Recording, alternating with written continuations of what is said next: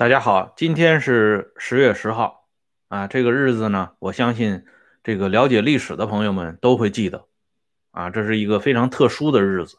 如果今天有可能的话啊，我想就这个特殊的日子呢，跟大家在网上专门的聊一聊。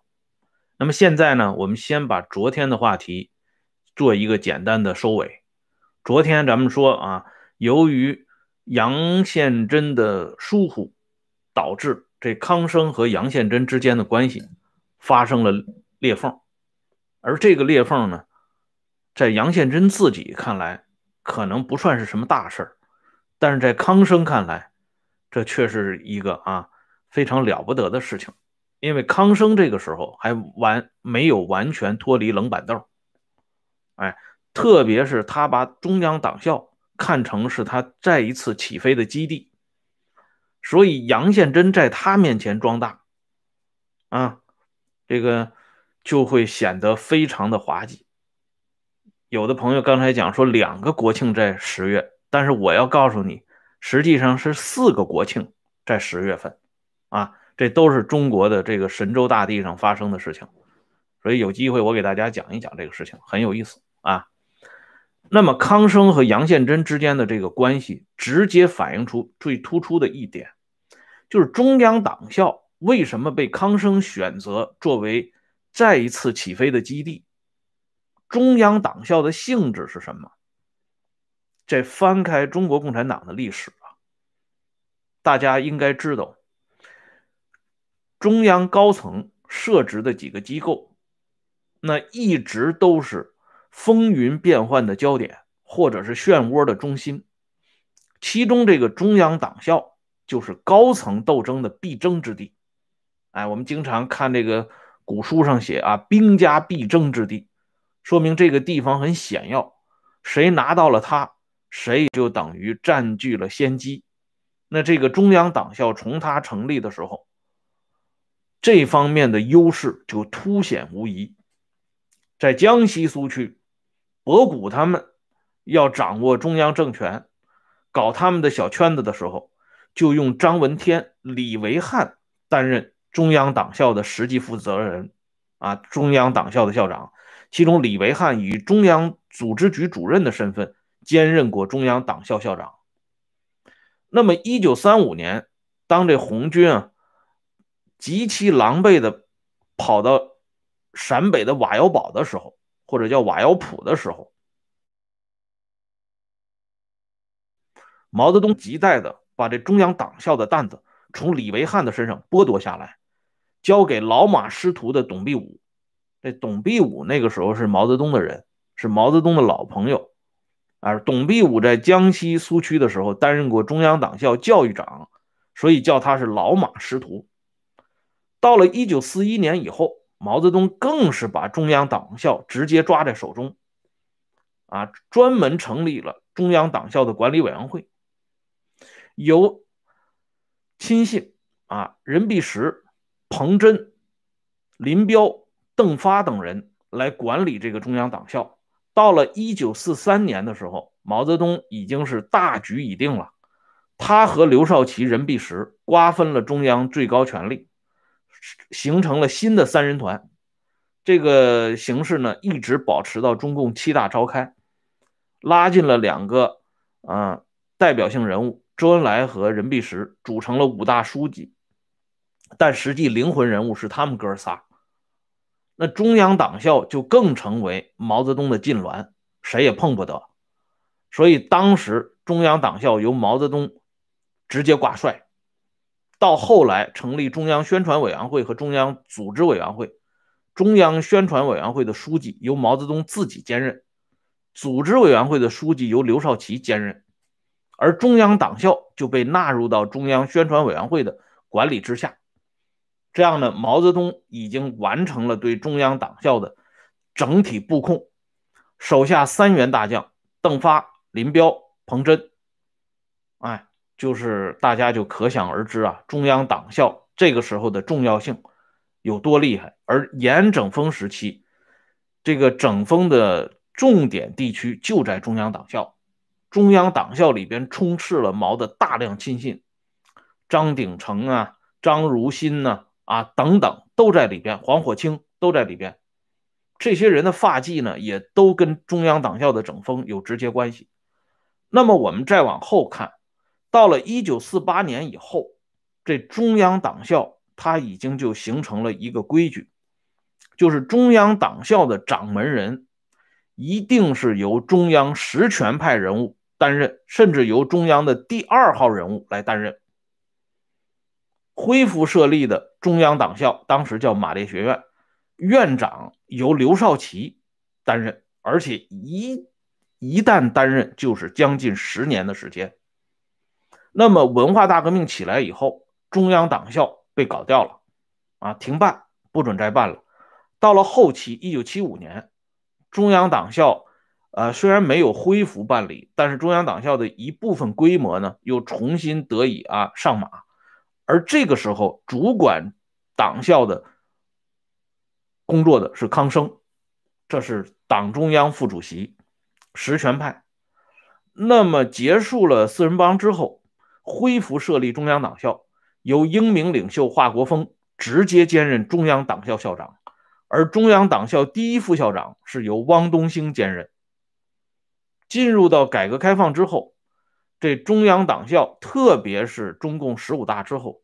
这中央党校校长一般都是由接班人来兼任，啊，比如说我们熟知的胡锦涛啊等等，凡是啊，党内的实权派人物或者是接班人，才能兼任这个中央党校校长，一直到今天都没有任何的变化，啊，只不过现在呢，把这国家行政学院也并到里里边了，这就是整齐划一，两块牌子，一班人马。哎，所以这个中央党校，我们为什么要花时间来讲它？根子就在这里。而且更主要的是，五十年代末六十年代初，两大矛盾焦点啊，一个是刀把子，一个是笔杆子。其中这笔杆子集中在高层里边，最凸显问题的就是中央党校的领导权的争夺。刚才我说了。刘少奇曾经担任过将近十年的玛丽学院的院长，那么真正替刘少奇管家的是谁呢？就是杨宪珍。大家看一下啊，这缅怀刘少奇这本书里边有杨宪珍的一段长篇回忆刘少奇的文章，这文章写的非常煽情啊。他是这么想的，他是这么说的啊，少奇同志。自1948年到1957年，曾直接领导过马列学院即高级党校的工作，这是中央党校欣欣向荣、兴旺发达的十年，评价非常之高。那么刚才我不是给大家讲过，中央党校的实际领导人、校长由毛泽东亲自兼任吗？那么为什么突然又出来一个刘少奇的马列学院呢？这里边有这么个过节。就是我们知道，这个三年内战打打响以后，这中央呢在西北啊一分为二，一部分由刘少奇、朱德到河北去啊作为中央工委，而一部分呢由毛泽东、周恩来率领啊，包括任弼时在内，在陕北呢与胡宗南周旋。而这个时候，中央党校化整为零，改为西北局党校，最后呢干脆就停办了。到四七年的时候就停办了。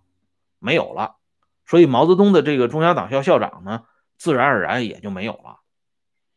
而始始终存在的只有一个人，谁呢？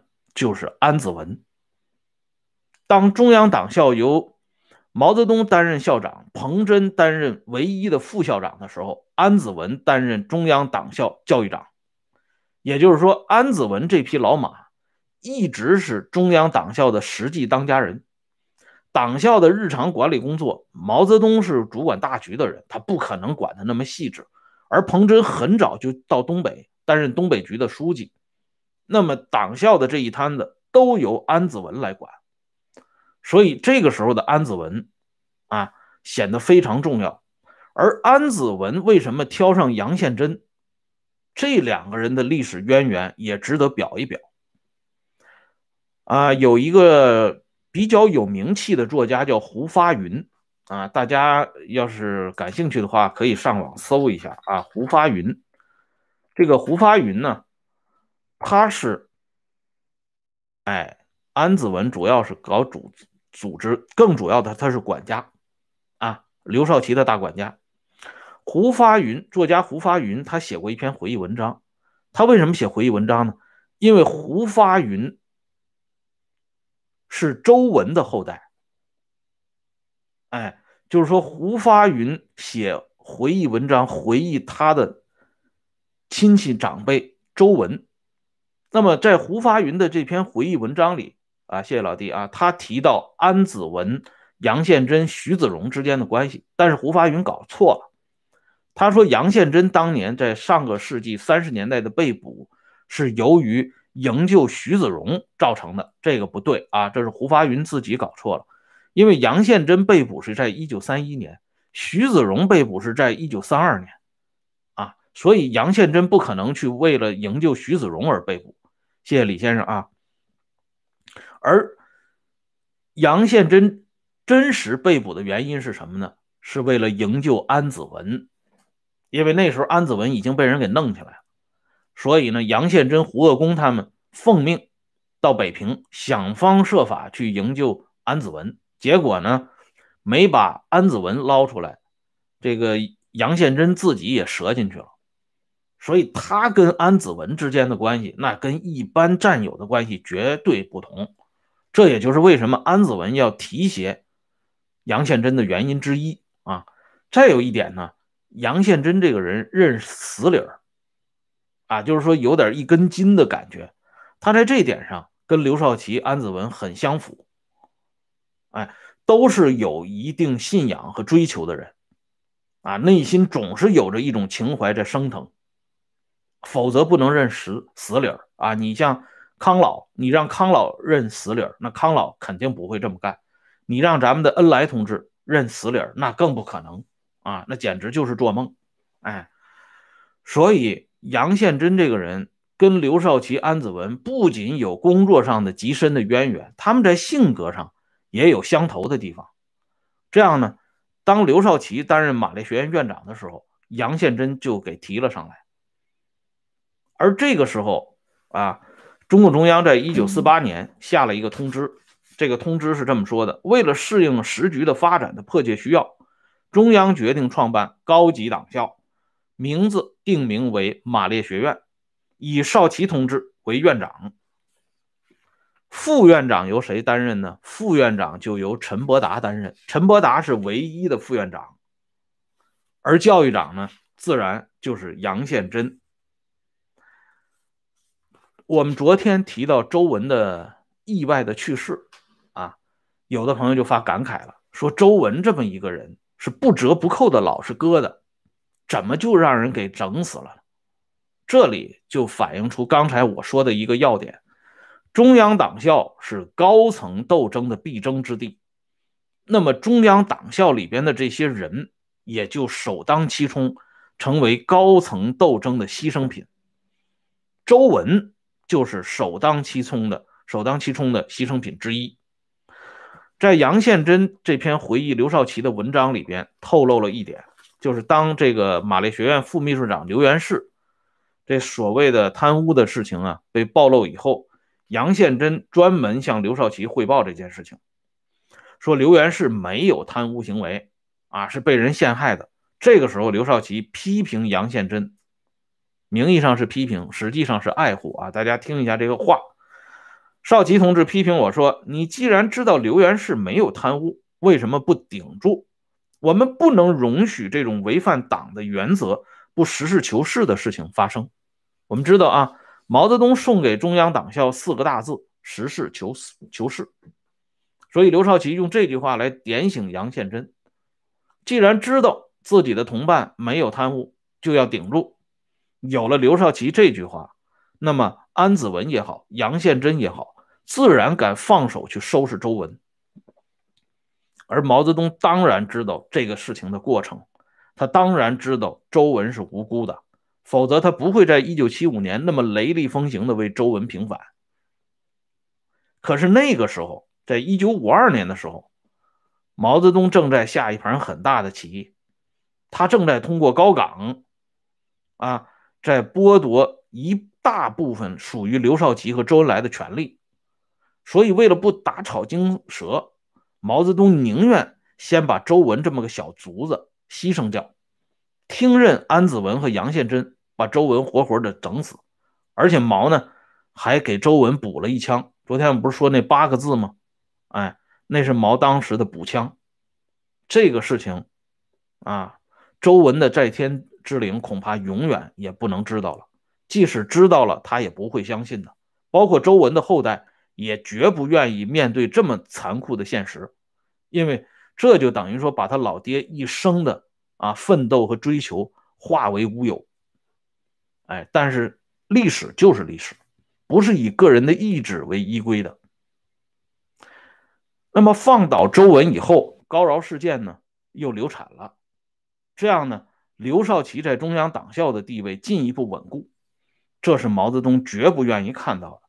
特别是刘少奇、安子文抽身出来以后，分别主管中央日常工作和中央组织部工作之后，居然把这个传帮带的这个东西交给了杨宪珍。这样，杨宪珍就成了替刘少奇、安子文管家的中央党校的代理人，甚至连康生这样的人都主动巴结上去。毛当然是洞若观火，但是毛这个人的特点，我跟大家说过，他有足够的耐心和耐力，不着急，让杨宪珍一点一点的暴露，让他一点一点的得罪人。毛泽东收拾。党内的刺头，一般来说要符合三个条件啊，我给大家讲一下哪三个条件。第一，这个人一定是到处整人；第二，这个人权力欲极强，四处伸手；第三，有朝一日他触动了毛的忌讳，动了属于毛盘子里的菜。当这三点都具备的时候。毛就该出手了，而这个时候的杨宪珍正符合前面两点啊，他在中央党校兴风作浪。昨天我给大家讲了，整了那么多原属于毛亲信的人，这已经是四面树敌了。再加上这个人啊，在理论上还有一套东西，他把自己当成苏联中央书记日丹诺夫在中国的化身。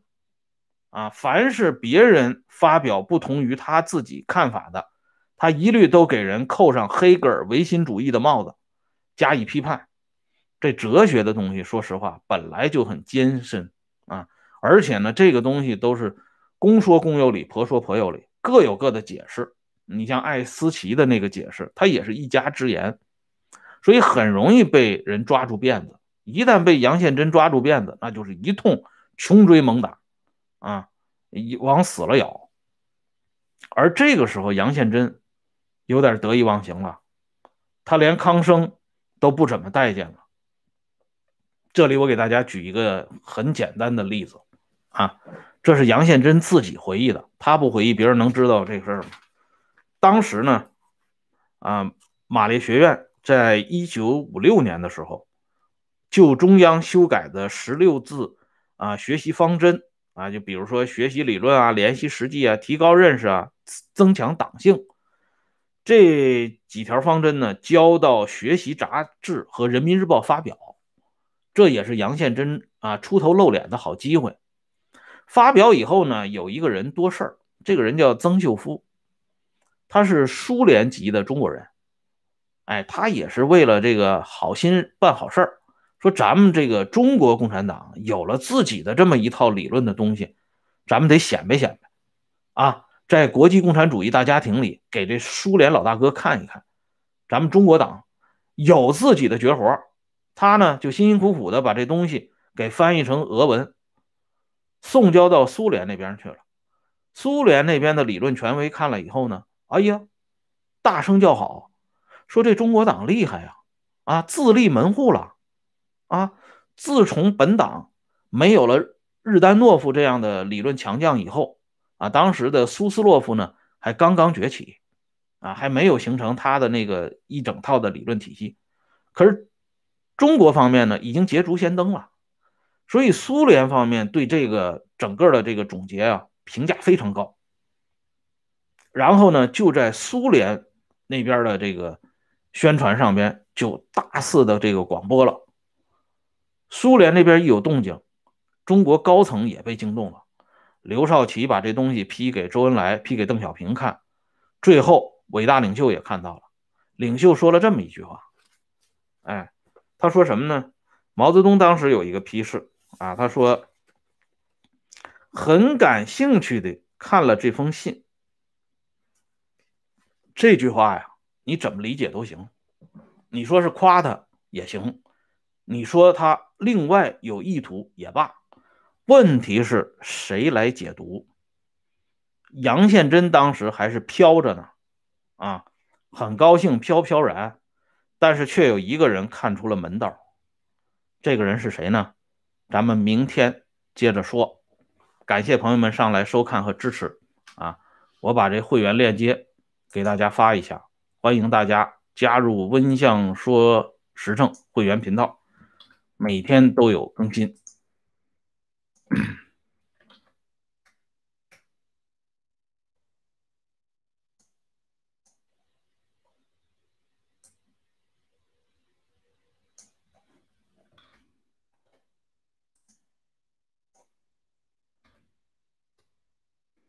一会儿啊，咱们花十五分钟时间啊，讲一下双十节的话题。难得啊，今天碰上这个节日了啊，感兴趣的朋友可以别走开啊。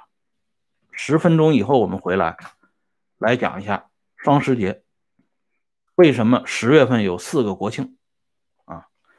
好了，今天的节目呢就说到这里，待会儿再见，谢谢大家。